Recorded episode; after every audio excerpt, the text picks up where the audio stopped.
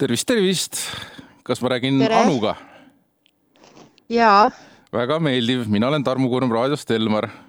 ja veel suurem rõõm on teatada, et teie olete Elmari Romuraadio kampaaniamängu teine finalist, nii et palju õnne. oi aitäh väga-väga meeldiv. ja no kõigepealt, kui tohib, ma tahaksin tsiteerida pisut teie kirja, et see vist kõlas umbes nii, et eh, meil on üks veits kannatada saanud isend, mis on teemant puurimisele liiga lähedale jäänud. no kuulge, ma ei saa küsimata jätta, et kuna see aparaat näebki just selline välja, nagu ta oleks eh, mitte, mitte, mitte lähedale jäänud, vaid teda oleks ennast puuritud, et mis, mis selle raadioga siis juhtus?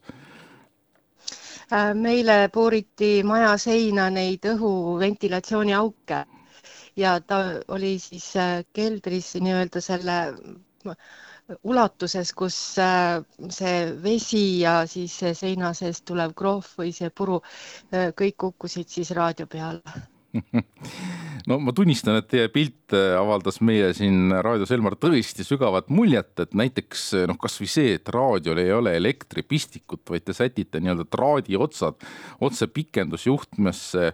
et mitu korda, ma pean ütlema, et noh, te olete vist nii särtsakas perekond, et te olete vist päris palju kordi särtsu saanud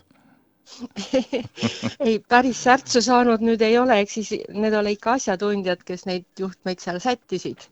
elektrikut nagu natukene. no kohe saavad, kohe varsti saavad ka meie teised kuulajad seda fotot uudistada, see läheb üles siis Elmari Facebooki lehele veel kord, tegu on tõesti aukartust äratava masinavärgiga ja ma kahtlustan, et konkurentidel läheb raskeks selle raadio vastu hakata.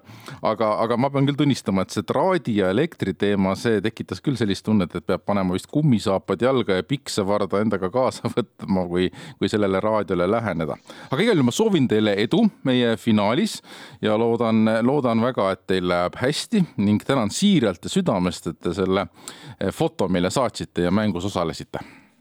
suur tänu teile. kena, ilusat päeva. Elmari päevapüüdja